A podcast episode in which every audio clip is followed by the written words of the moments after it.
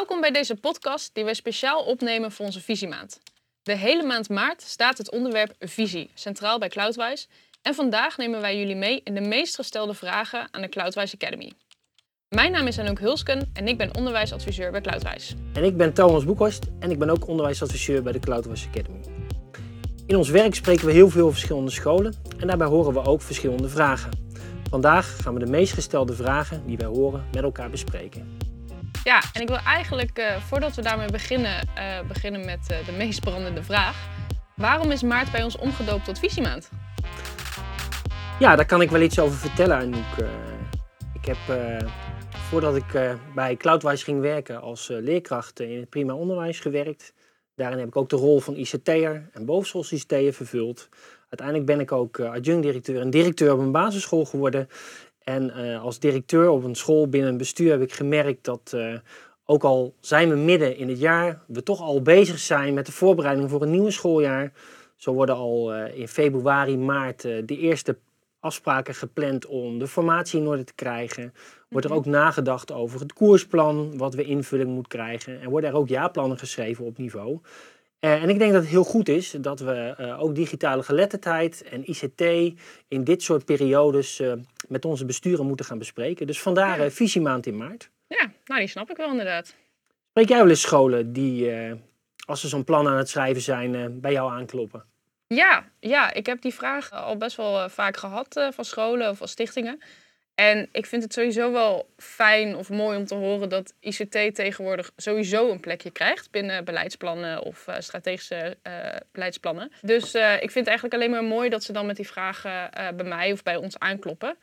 En wat ik vaak altijd eerst probeer te doen is om de huidige ICT-situatie in kaart te brengen. Um, en eigenlijk gebruik ik hier vaak gewoon het vier- en balansmodel voor van Kennisnet. hey, dat vier- en balansmodel, dat is voor jou en voor mij natuurlijk gesneden koek, hè?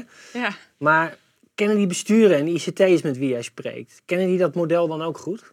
Nou, uh, vaak wel, maar ik, ik ben er in het verleden ook wel eens van uitgegaan dat ze hem dus kenden en dat ik er tijdens het gesprek achter kwam uh, dat hij dus niet bekend was. Nou maakt het op zich niet zo heel veel uit, want uh, het is best wel een simpel model. Zoals de naam al zegt, bestaat het vier in balans model uit een aantal onderdelen, vier onderdelen die dus in balans horen te zijn uh, om eigenlijk het meeste uit ICT te halen voor je onderwijs. Voor de mensen die hem niet kennen, je hebt aan de rechterkant heb je twee onderdelen, de ICT-infrastructuur en inhoud en toepassingen.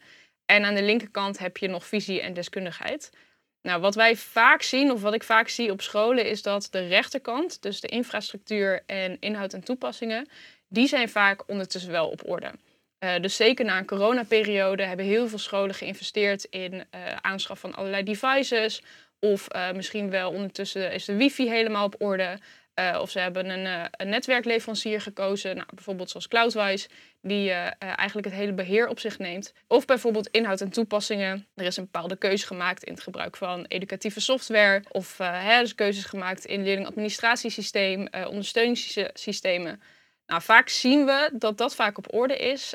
Um, maar dan kom je dus op het stukje dat het hele model in balans hoort te zijn.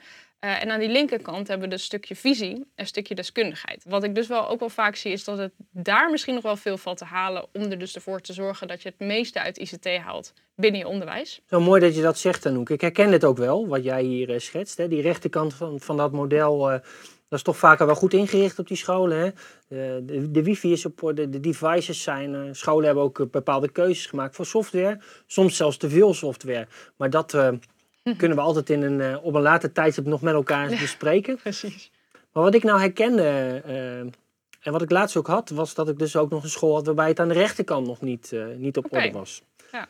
ik heb recentelijk nog een, een school begeleid en um, die kwamen met een vraag bij me van ja, we hebben um, in het verleden uh, allemaal vaste PC's gehad in onze kleutergroepen. Die hebben we eigenlijk de deur uit gedaan, want het, uh, uh, ja, de hardware was eigenlijk niet meer up-to-date. Die werkte mm -hmm. niet meer goed, dat draaide niet meer lekker. Maar we, we, hebben eigenlijk nog niks nieuws aangeschaft. kun je ons daarbij helpen? Dat okay. betekent dus eigenlijk dat we nog aan de rechterkant van het model eerst moesten gaan nadenken over de aanschaf van nieuwe devices. Ja, dat is wel grappig, want meestal als uh, scholen bij ons aankomen kloppen, dan is dat uh, in ons geval voor de linkerkant. Dus dat er een bepaalde hulpvraag is rondom de deskundigheid van de medewerkers of visie. Dus het is wel grappig dat het bij jou toch eerst even op een andere plek is begonnen. Um, maar hè, wat ik zeg, het model hoort in balans te zijn. Hoe heb jij er dan voor gezorgd dat die in balans kwam? Ja, kijk, wat we bij deze school gedaan hebben, is eigenlijk een, een stapje teruggezet. We zijn eerst toch teruggegaan naar die visie. Want je kunt wel iets aanschaffen. en heel veel apparaten die je aanschaft zijn ook gewoon hartstikke goed. Maar je moet eigenlijk eerst weten, wat willen we ermee? Mm. hoe gaan we het inzetten in ons onderwijs? Voor welke onderwerpen, voor welke onderdelen? En welke toepassingen hebben we dus eigenlijk nodig? Welke applicaties zijn er nodig? En vanuit daar kunnen we dan gaan kijken van... Hey, welk device past er dan het best bij? Dus in plaats van aan de rechterkant te beginnen... hebben het eigenlijk een beetje geflipt en zijn we aan de linkerkant begonnen. Dus we zijn eerst gaan nadenken over het stukje visie en de organisatie die erbij hoort. En uiteindelijk eh, zijn we op die manier tot een hele mooie en goede keuze gekomen. Ja, dat is wel grappig. Dus ze kwamen eigenlijk met een uh, vraag over devices. En jij als onderwijsadviseur hebt hem mooi even geflipt en zei ja, dat is heel erg leuk. Maar er moet wel een weloverwogen keuze gemaakt worden. Dus ik wil toch beginnen bij een stukje visie en wat past bij mijn onderwijs. Ja, wat ik heel belangrijk hierin vind, is, is dat eh, de ICT-wereld soms net een hele grote snoepjeswinkel is, uh, Anouk. Er zijn zo ontzettend veel mooie en leuke dingen. Uh, dat je heel snel geneigd bent om iets nieuws te kopen. Terwijl het er niet om gaat dat je het koopt, maar dat je eerst nadenkt waarom je iets zou willen gaan kopen. En door die vraag helder te krijgen, uh, help je ook echt een school met het aanschaffen van het juiste device en de juiste applicaties. Ja. Hey, en heb jij ook zo'n uh, zo'n voorbeeld? Dat je wel eens een school hebt gehad waarbij je eigenlijk heel anders eindigde als de vraag die je kreeg vanuit de school? Ja, nou niet misschien per se heel erg anders geëindigd, maar wel waarbij we inderdaad eigenlijk uh, bijna alle onderdelen van het vierenbalans wel uh, voorbij zijn gekomen. Om ervoor te zorgen dus dat er uh, ICT het meeste uit wordt gehaald binnen het onderwijs. Ik heb vorig jaar ben ik met een stichting begonnen en die wilde heel graag starten met een bovenschoolse visie op ICT. Dus ik ben samen met de ICT'ers tijdens twee sessies ja, eigenlijk aan de slag gegaan uh, om een visie te formuleren die past bij het onderwijs van de hele stichting. En daarbij kregen de scholen uiteraard nog wel de ruimte om daar hun eigen identiteit in kwijt te kunnen. Want natuurlijk heeft elke school nog ook een beetje zijn eigen visie. Maar de, de visie van de stichting die hing daar eigenlijk wel als uh, paraplu boven. Dus daar zijn we mee gestart. En een van de dingen die uh, uit die visie kwam, was dat uh, zij toch wel wilde investeren in, uiteraard, digitale geletterdheid. Dat is nu natuurlijk een hele hot topic. En een van de zaken die zij heel erg miste, was een stukje deskundigheid op het gebied van computational thinking. Daar was eigenlijk, werd nog weinig mee gedaan. Ze wisten niet zo goed waar ze moesten beginnen. dus ze hebben besloten om dus te beginnen met het investeren in de deskundigheid van de ICT'ers op het gebied van computational thinking. Dus momenteel uh, zijn de ICT'ers bezig met een uh, cursus, programmeren in de klas. Die zijn dit schooljaar begonnen. Uh, die zijn ontzettend enthousiast. Tenminste, dat is de geluiden die ik van de groep terugkrijg, die ik van, van mijn collega-trainer terugkrijg. Um, en tijdens die cursus leren ze ook kennis maken met allerlei materialen. En afhankelijk dus van wat zij leren tijdens die cursus, en wat zij dus zelf gaan uitproberen in de klas, maken zij bepaalde keuzes om dus weer materialen aan te schaffen. Dus zo kom je eigenlijk alweer drie onderdelen komen voorbij. Ze zijn begonnen bij de visie. Ze hebben besloten om uh, te beginnen bij de deskundigheid van de ICT'ers. En afhankelijk daarvan gaan ze dus investeren in de juiste materialen. Uh, denk bijvoorbeeld aan het kopen van uh, Hello Ruby boeken voor, voor de onderbouw. Want daar werden ze wel heel erg enthousiast van. Heb jij nou nog vragen die je vaak op scholen hoort? Ja, absoluut. Het begrip digitale geletterdheid is natuurlijk iets wat al een hele lange tijd in het onderwijs aan het zingen is. Hè? Ik denk dat dat nu al zo'n vier, vijf jaar geleden voor het eerst uh, in onderwijsland werd, werd geroepen. Hè? We mhm. moeten iets met digitale geletterdheid. Ja. Uh, maar wat je eigenlijk nog steeds een beetje merkt, is dat voor veel scholen nog niet duidelijk is. Uh, wat is digitale geletterdheid nou precies? Mhm. Maar twee, hoe moeten we het ook vormgeven en waar moeten we straks aan voldoen? Hè? Ja, en dan hebben we het over de kerndoelen. Eh, die kerndoelen van digitale geletterdheid, die zijn er namelijk op dit moment nog niet. Nee. Terwijl we wel vinden en ook uh, merken aan scholen dat ze heel graag met digitale geletterdheid aan de slag willen gaan. Ja. Dus het is ook goed om um, scholen daarin te gaan adviseren en te helpen en te vertellen hoe ze daarmee aan de slag kunnen gaan. Hè, um, en vaak mhm. gebruiken wij daar dan de inhoudslijnen van SLO zelf voor. Ja. Die inhoudslijnen die beschrijven eigenlijk de inhoud van die vier domeinen van digitale geletterdheid. En maken daarbij een onderscheid tussen eh, de inhoud die bedoeld is voor kinderen in de onderbouw, voor de middenbouw en de bovenbouw. En op basis van die inhoudslijnen eh, kun je eigenlijk heel goed kijken naar wat voor activiteiten zou ik nou in mijn onderwijsaanbod toe moeten voegen, zodat ik voldoe aan de kerndoelen die straks gaan komen rondom digitale geletterdheid. Ja. Heb En, jij ehm, zicht op dat proces, hoe dat zit met die kerndoelen? Wanneer worden die nou precies operationeel? Ja, kijk, dat staat nog niet helemaal vast, maar we hebben wel een idee en een inschatting gemaakt waarop, eh, waarvan wij denken dat het eh, in dit traject ongeveer in die snelheid gaat, gaat eh, verlopen. We zien eigenlijk het schooljaar eh, 2022-2023 als het, als het jaar om lekker te gaan uitproberen welke Mhm. vaardigheden je als leerkracht hebt, hoe je op, eh, eh, op een bestaande manier activiteiten rondom digitale geletterdheid in je onderwijs kan toepassen. Ehm, om ook eens te meten hoe gaan we dat dan toetsen met elkaar. Hè, om in het volgende schooljaar, schooljaar 22, 23, 24, ook echt eh, dat wat meer structuur te geven. Dus dat vast te zetten in leerlijnen, om daar afspraken over te gaan maken met elkaar. Mhm. Zodat je in vier- 2025, 2026, hè, als dan, en dat is onze verwachting, als dan die eh, kerndoelen van digitale geletterdheid ook echt door de overheid zijn vastgesteld en naar de scholen toekomen als zijnde van dit moet onderdeel van je verplichte onderwijs worden, dat scholen dan ook echt gewoon klaar zijn Ja. en dan eigenlijk vrij snel ook met die kerndoelen aan de slag kunnen. Ja.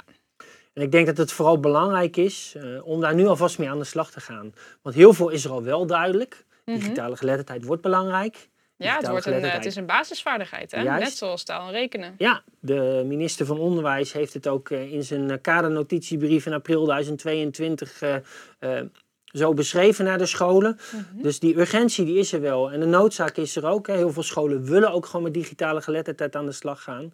Niet omdat het moet, maar omdat ze het zelf gewoon belangrijk vinden. Dus eigenlijk is er geen enkele reden om te zeggen we moeten er nu niet mee aan de slag gaan. Het kan alleen zijn dat je straks wellicht nog een kleine aanpassing moet doen als die kerndoelen echt definitief zijn vast, eh, vastgesteld. Ja. Hey, en als we nou eens kijken, want jij spreekt natuurlijk ook heel veel scholen. Mhm. Ehm, wat zou jij scholen adviseren? Hoe zouden ze dat het beste kunnen aanpakken, die ontwikkeling rondom digitale geletterdheid? Ja, dat vind ik wel een goede vraag. En er is natuurlijk niet één manier eh, die de beste manier is of de perfecte manier is. Je moet natuurlijk vooral kijken naar wat, eh, wat bij je school of bij je stichting past. Maar ik vind het wel een hele mooie om te beginnen bij de deskundigheid van je, van je leerkrachten, van je personeel. Even heel simpel gezegd, eh, ik denk dat alle leerkrachten die nu voor de groepen staan, die hebben in principe gewoon de PABO afgerond. En op de PABO leer je hoe je taalonderwijs geeft. En op de PABO leer je hoe je rekenonderwijs geeft. Maar wat je niet leert op de PABO, tenminste niet overal niet op dit moment, is hoe je eh, lessen geeft over digitale geletterdheid. Terwijl straks, als de kerndoelen eh, operationeel zijn, is dat wel een basisvaardigheid. Dus in die zin mag je straks van jouw leerkrachten verwachten dat zij in de basis lessen kunnen geven over digitale geletterdheid. Dus daar mag je wat mij betreft ook een bepaalde basiskennis verwachten. Dus in die zin vind ik het wel belangrijk dat er eh, ja, geïnvesteerd gaat worden in de professionalisering van je medewerkers. Neem daar vooral de tijd voor. eh, en dat kan aan de hand van allerlei trainingen, allerlei cursussen. Zo hebben wij bijvoorbeeld ook een basiscursus digitale geletterdheid die alle vier de domeinen aanstipt. eh, met allerlei praktische voorbeelden om meteen de volgende dag in de klas in te zetten. Ehm, en ga daar vooral mee aan de slag. Eh, ga vooral testen van, joh, wat werkt voor mij? Wat werkt voor mijn onderwijs? Wat werkt met mijn leerlingen? Eh, wat vind ik eventueel misschien ook hartstikke leuk om te doen? En ga vooral experimenteren. Ehm, en dan merk je gewoon van ja, wat is voor ons de beste manier om digitale geletterdheid een plekje eh, te geven in onze lessen. Nou ja, als je daar de tijd voor neemt met je, met je team, met je schoolteam, dan heb je op een gegeven moment kun je die kennis en die ervaringen die je hebt opgedaan ehm, gebruiken om echt een visie te formuleren. Want dan weet je, dit is wat digitale geletterdheid is, dit is wat het inhoudt, dit is het belang, dit is wat werkt voor mij en voor mijn collega's.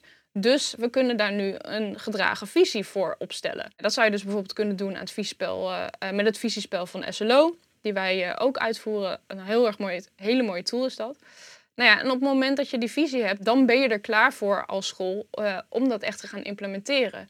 Dus al die, die kennis, die ervaringen die je hebt opgedaan, echt in te zetten en ervoor te zorgen dat digitale geletterdheid structureel onderdeel wordt van je, eh, van je schoolaanbod. En dat is wat je wil. En ja, in mijn ogen is dit een heel mooi proces die je kan eh, uitspreiden over twee, drie schooljaar. Nou ja, en als ik dan luister naar jouw voorspellingen van wanneer de kerndoelen uh, operationeel zijn, uh, ben je mooi op tijd. Dan ben je eigenlijk precies op tijd voor op het moment dat je ook echt uh, moet als school. Ja, dus dat, wat ik zei, dit is natuurlijk niet de enige route. Misschien ook niet voor elke school de beste route. Maar dit is in mijn ogen wel een route die, denk ik, scholen zeker op weg kan helpen. Ja, um, dat is ook mooi, hè? dat visiespel. Dat zorgt er ook echt voor dat je een breed gedragen visie krijgt. Hè? Ja. Elke medewerker wordt, wordt betrokken en wordt gevraagd naar zijn of haar idee over uh, bepaalde thema's rondom digitale geletterdheid. En een manier waarop dat vormgegeven zou moeten worden. Ja, precies. En ehm, ja, hiermee creëer je ook een soort van draagvlak waardoor je het ook lostrekt van bijvoorbeeld een directeur of een ICT'er als het gaat om een visie op mhm. digitale geletterdheid. Maar er wordt echt een urgentie ontwikkeld waarvan het hele schoolteam denkt van ja, hier moeten we iets mee met elkaar. Ja, en dan gaat het ook leven, hè? tenminste dat is mijn, uh, mijn mhm. ervaring die ik heb. Ja, en uiteindelijk moet je het met elkaar doen. Je kan niet verwachten, mag niet verwachten dat uh, dit alleen wordt gedaan door een ICT'er of door een heel select groepje in de school die toevallig uh, affiniteit met ICT heeft. Um, ja, dit moet je echt met elkaar gaan doen. En ik denk dat uh, dit spel een mooi middel is, inderdaad, wat je zegt, om structureel het gesprek met elkaar aan te gaan. Van ja, wat, wat vinden wij nou eigenlijk belangrijk en hoe willen we dit terugzien in ons onderwijs? Ja, mooi. En nou ja, ik heb nou een voorbeeld gegeven van hoe ik scholen graag zou willen helpen, of hoe ik het voor me zie dat scholen aan de slag kunnen gaan met digitale geletterdheid. Um, heb jij nog goede adviezen? Ja, ik denk het ook wel. Jij gaf net aan dat je zeg maar als startpunt het stukje deskundigheid van personeel weten. Ja. Als je vaardige en kundige personeelsleden hebt, dan kun je ook uh, beter nadenken over het formuleren van een visie die daarbij hoort. Mm -hmm. ik begeleid ook een aantal scholen die uh, dit vanuit inzicht gaan doen. Die geven eigenlijk al aan van we weten al het een en ander over digitale geletterdheid. En we doen ook al het een en ander aan digitale geletterdheid op onze school. Maar dat heeft nog niet echt een vaste structuur. Dus dat hangt dan nog een beetje af van de tijd die de leerkracht erin investeert en uh, de eigen vaardigheid die een leerkracht heeft. Um, en ja, ik, uh, ik begeleid onze school door een stukje inzicht te creëren. En wat we dan bijvoorbeeld doen, is we gaan aan de hand van een soort van checklist, hè, denk bijvoorbeeld aan de inhoudslijn of de aanbodsdoelen van SLO, gaan we met elkaar in kaart brengen van maar wat gebeurt er nou eigenlijk allemaal al binnen jouw school. Mm -hmm. Uh, en als je dat in kaart brengt, dan is de conclusie dat op heel veel scholen al ontzettend veel gebeurt. Klopt, ja. En dat je dat eigenlijk alleen met elkaar moet gaan vastleggen. En dat je daar een opbouw in gaat aanbrengen. Uh, zodat er duidelijkheid komt over wat moet een leerling aan het einde van groep 3 kunnen. Mm -hmm. Wat moet een leerling aan het einde van groep 5 kunnen. En wat zou een leerling nou aan het einde van groep 8 moeten kunnen als hij onze basisschool verlaat. Uh, en wat we vervolgens doen is, is daar kijken waar dat nog niet volledig voldoet. En op de plekken waarvan wij uh, met elkaar concluderen met zo'n team, hè, want dat doen we natuurlijk in een gezamenlijke sessie mm -hmm. met een team. Iedereen is eigenaar van het proces. Wordt aangegeven waar er nog bepaalde zaken ontbreken. En dan gaan we ook met elkaar kijken van nou, welk aanbod zou dan kunnen inrichten. Dus waar kunnen we activiteiten koppelen aan bestaande lessen. Denk aan taallessen of begrijpend mm -hmm. lezen lessen. Of denk aan lessen die te maken met wereldoriëntatie, zoals geschiedenis of aardrijkskunde of natuuronderwijs. Ja.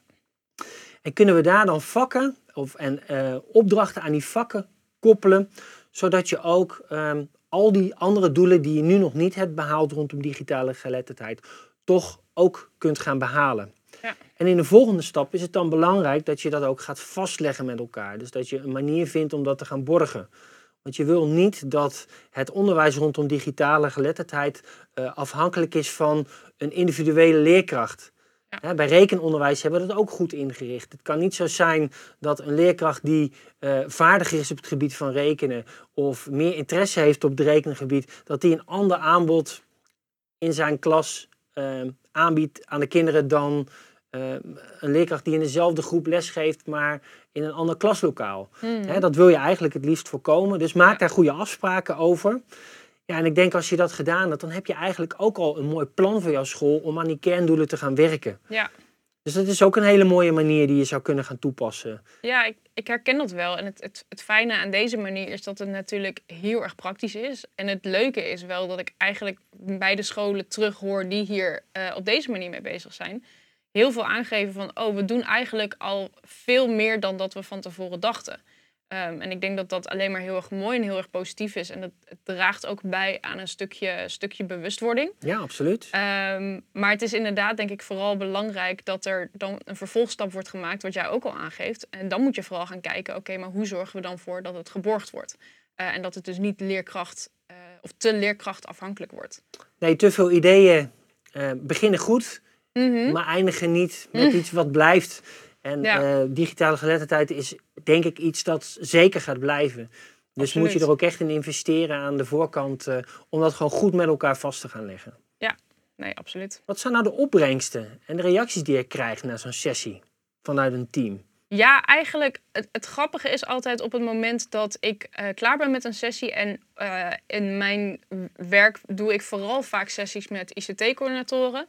Uh, dus dat zijn vooral ook vaak de mensen die ja, al een stukje affiniteit hebben of al extra betrokken zijn bij het onderwerp. Wat ik heel veel terugzie is dat ze het vooral heel erg fijn vinden dat ze even die tijd krijgen om bij elkaar te komen. Dus ik heb het dan nu vooral even over de situatie waarbij we dus bij een grotere stichting samenkomen met ICT'ers van de scholen van die stichting. Um, dat ze een moment krijgen om dus uh, samen over een bepaald onderwerp te leren. Of samen over een bepaald onderwerp uh, te hebben. Over hoe zij dat bijvoorbeeld in een school aanpakken. Of waar zij misschien juist tegenaan lopen en juist vragen aan hun collega's willen stellen. Uh, of misschien wel good practices willen delen. en ik merk iedere keer dat die behoefte daar om dat contact met elkaar te hebben, gewoon heel erg groot is. Dat ze het idee hebben dat ze er niet alleen voor staan of uh, in op, op een eigen eilandje zitten. En die tijd daarin is dus vooral heel erg belangrijk. En of het nou gaat om uh, Google of Microsoft gerelateerde trainingen. Uh, ik heb in het verleden heb ik heel veel trainingen gegeven voor Cloudwise. Daar zie je bijvoorbeeld heel erg, als je het hebt over nou, wat zijn dan precies de reacties, dat mensen daar vaak heel erg enthousiast van worden en meteen aangeven van oké, ik wist helemaal niet dat dit kon of dit kan ik heel erg makkelijk gebruiken met mijn leerlingen in bepaalde lessen. Um, nou, en dan ga je bijvoorbeeld meteen, uh, kunnen ze de volgende dag al aan de slag met de praktische ICT-vaardigheden van de leerlingen. Maar kan ook zijn bijvoorbeeld bij onderwijsinhoudelijke trajecten rondom mediawijsheid, om computational thinking. Op het moment dat de, de leerkrachten bepaalde kennis hebben opgedaan of bepaalde vaardigheden hebben geleerd tijdens een training of tijdens een cursus, zie je dat ze daar uh, ja, in hun uh, leerkrachtenhoofd, om het zo te noemen, meteen allerlei ideeën aan koppelen over hoe ze dat in hun school in willen zetten. Dus oh ja. tijdens een sessie en na een sessie merk ik vooral veel uh, enthousiasme en motivatie om ermee aan de slag te gaan. Um, het enige waar we dan vervolgens eigenlijk altijd tegenaan lopen is van oké, maar waar haal ik dan uh, de tijd vandaan om, om dit uit te werken? Of waar haal ik de tijd vandaan om ervoor te zorgen dat mijn collega's hier ook mee aan de slag kunnen? Of mezelf hier nog verder te, uh, in te professionaliseren? Dus dat is vooral hetgene waar, waar ik en ik denk iedereen binnen het onderwijs tegenaan loopt. Is uh, ze willen wel en ze, ze vinden het ook belangrijk. Um, maar het is heel erg lastig om die tijd, vrij, tijd, tijd vrij te krijgen. Of um, ja, en ook als je kijkt naar de belastbaarheid van het team. Dus als je kijkt naar opbrengsten, ja, er zijn heel veel opbrengsten. Maar er moet wel die investering gedaan worden. En uh, in die zin uh, kan ik me ook wel voorstellen dat een school daardoor juist bewuster kiest voor. Uh, we gaan niet meteen investeren in deskundigheid van alle medewerkers, maar we gaan wat, wat pragmatischer aan de slag. En op de manier zoals jij noemt, van ja, we pakken een soort van checklistje bij in de vorm van de doelen. en we gaan afvinken. Ja, ja, is wat laagdrempeliger, denk ik ook. Hè? En uh, je hoeft daar niet heel veel tijd in te investeren om dat inzicht uh, te creëren. En het leuke wat ik dan in die sessies merk met scholen, is dat ze eigenlijk tot een soort van conclusie komen van, oh, maar we doen al heel erg veel. Ja. En dan, ja, dat vind ik altijd wel heel erg bijzonder. En dat is ook wel iets wat ik dan altijd teruggeef. Maar jullie doen ook niet, doen ook al heel veel. Mm -hmm. digitale geletterdheid is niet iets nieuws of zo. Eh, het wordt alleen wat belangrijker nu, omdat het een vast onderdeel van je onderwijs gaat, uh, gaat, gaat uitmaken. Ja. Ja, en die doorgaande lijn, dat is eigenlijk het enige wat die scholen nog moeten gaan inrichten met elkaar. En daar kan natuurlijk van alles uit uh, uit een vervolg uitkomen. Denk aan een stukje scholing of training of toch een andere inrichting in je onderwijs. Maar het begint echt met dat besef, we doen al zo ontzettend veel. En dat zorgt dan ook voor een soort van verademing. Dat, mm -hmm. dat, scholen echt denken van, oh, maar we zijn op de goede weg. En ja. eigenlijk, en dat is mijn ervaring, zijn scholen ook echt al wel heel goed onderweg. Is dat ook iets wat jij uh, op je scholen herkent? Ja, tuurlijk. Um, En het, die herkenning, dat zie ik ook terug. Toevallig vorige week nog, toen eh, eh, had ik het met eh, iemand over de SLO-doelen. en zij had een gesprek gehad met een collega van de onderbouw. en ze hadden het over patronen. Nou, een van de, de doelen binnen computational thinking is dat leerlingen in de onderbouw bijvoorbeeld al patronen moeten herkennen. en toen hadden ze dus over het concept. En toen zei ze van ja, maar een, een kralenketting is al een patroon. Hè? Als je een ketting hebt met blauw, groen, wit, blauw, groen, wit, blauw, groen, wit bijvoorbeeld dat is een patroon. En toen zei die onderbouwleerkracht dus, oh ja, maar dit doe ik dus al lang. Dit doe ik altijd al. Ja, en dat is, het, dat is denk ik net wat je nu zegt, even het anders kijken naar opdrachten. Precies. In sommige opdrachten die je al uitvoerde, zat al een vorm van digitale geletterdheid. Maar heb je het nog niet vanaf die manier benaderd. Dus dat stukje inzicht kunnen wij in die sessies ook vaak heel mooi, eh, heel mooi uh, voor elkaar krijgen. Hmm. Wat ik trouwens wel belangrijk vind om nog te benoemen, is ook een beetje de rol van de schoolleider. Er komt best wel veel op dat bordje van die ICT'er terecht. Hè? Die krijgt eigenlijk als ICT'er de taak van, nou, jij bent de deskundige, jij weet heel veel over dit onderwerp, jij moet ervoor zorgen dat dat binnen je organisatie goed gaat lopen. Maar ik denk dat ook juist die rol van die schoolleider heel erg belangrijk is. Die heeft Absoluut. aan de ene kant een soort van voorbeeldfunctie, hè? die kan aangeven wat hij belangrijk vindt hij heeft ook bepaalde mogelijkheden om te faciliteren. Hè? Mhm. Denk bijvoorbeeld aan faciliteren in tijd door uh, in een normjaartaak afspraken te maken met collega's. Door op vergaderingen tijd te vragen voor dit onderwerp. Door mensen ook de mogelijkheid te geven om, ze, uh, om zich te laten scholen. Dus mhm. de schoolleider die speelt hierin absoluut een heel belangrijke rol. En ik weet uit ervaring dat een schoolleider uh, met heel veel zaken te maken krijgt. Dat klopt. En dat digitale geletterdheid echt niet altijd bovenaan die lijst van prioriteiten staat. Maar een leerkracht die bezig is met onderwijsinhoud en een directeur die ehm, bereid is om ook bezig te zijn met de ontwikkeling van de school, die mhm. krijgt het voor elkaar om ook zo'n traject als dit rondom digitale geletterdheid op een hele laagdrempelige manier uh, in te richten. Ja. en we zeiden het net al een paar keer, je hebt ook gewoon nog een paar jaar de tijd om het te gaan doen. Mhm. Dus het is niet ehm, dat je er morgen al op wordt afgerekend, maar je kunt jezelf als team en jezelf als directeur ook gewoon de tijd geven om er één, twee en misschien zelfs wel tweeënhalf of drie jaar mee bezig te gaan. Ja. En ik denk dat dat gewoon uh, ook een boodschap moet zijn die we meegeven in deze podcast. Um, ga lekker aan de slag, want je hebt nog gewoon de tijd. Precies ik denk dat dat ook wel mijn grootste tip voor scholen zou zijn. Van begin gewoon. Ga aan de slag. En of je nou begint bij deskundigheid of het formuleren van een visie of misschien gewoon het afvinken van doelen uh, aan de hand van een checklist. Precies. Begin gewoon. En uh, ik wil even heel graag mijn uh, lieftallige collega Anouk van Leeuwen citeren. Dus dat, zij is onze teamlead van de Academy. ze roept altijd van nu heb je nog tijd om te experimenteren. Straks niet meer. En dat is ondertussen een beetje het motto geworden bij ons, bij de Academy. Zo van, nu kan je gewoon nog proberen. Hè? Ga gewoon lessen uitproberen. Uh, ga met je leerlingen aan de slag met uh, ja, wat dan ook. Doe het gewoon en kijk van ja, wat, wat past er nou precies bij mij? En ga het gewoon doen. En inderdaad, het hoeft niet morgen af te zijn, um, maar begin gewoon. Ja, leuk. Wat zou jouw grootste tip zijn? Oeh, een tip. Ja, ik heb heel veel tips, Anouk. Maar ik, ik denk dat deze wel echt uh, uh, heel erg belangrijk is in dat verandertraject. En dat Mhm. is, uh, vier gewoon af en toe een feestje.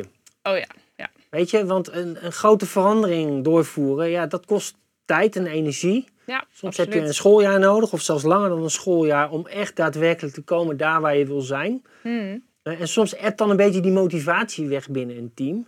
En dan is het zo belangrijk dat je ook kleine momentjes gebruikt om een feestje te vieren. Ja. En als je dan kijkt naar digitale geletterdheid, dan zijn er in het jaar talloze activiteiten waarbij je zo'n leuk feestje kunt vieren. Denk bijvoorbeeld aan eh, eh, mooie boekpresentaties die kinderen in de kinderboekenweek hebben gemaakt. Oh ja. Of eh, de online journalen die kinderen zelf hebben opgenomen en gedeeld worden met ouders of in een schoolkrant of, of op social media kanalen van de school. Eh, of ga op een leuke teamdag eh, een leuke escape room bouwen of maken of spelen met je team. Om het te laten zien dat digitale geletterdheid gewoon een heel belangrijk onderdeel is. Hè, ik denk dat dat vieren van feestjes zorgt er echt voor dat het je ook lukt om voor een langere periode aan een verandering te werken. Ja, en dat zal bij digitale geletterdheid ook echt eh, wel nodig zijn. Ja, Voordat het Mooi. staat, heb je nog wel de tijd. Mhm. Maar kost het dus ook de nodige tijd om, eh, om daar te komen waar je wil zijn. eh.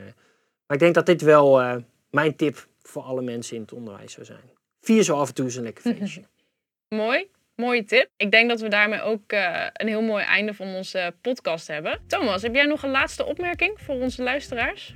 Nou ja, ik wil iedereen bedanken. Ik vond het weer een heel gezellig gesprek, Anouk. Ja, dus ik ben benieuwd naar ons volgende gesprek. Ja, en mocht je nou geluisterd hebben en heb, heb je nog vragen, eh, wil je ons wat eh, teruggeven over deze podcast, of wil je wat meer weten over het aanbod van de Cloudwise Academy, ga dan even naar onze website www.cloudwise.nl/academy. En eh, dan hoop ik je in ieder geval snel weer te zien. dankjewel. Dat hoop ik ook. Bedankt en wie weet tot de volgende keer.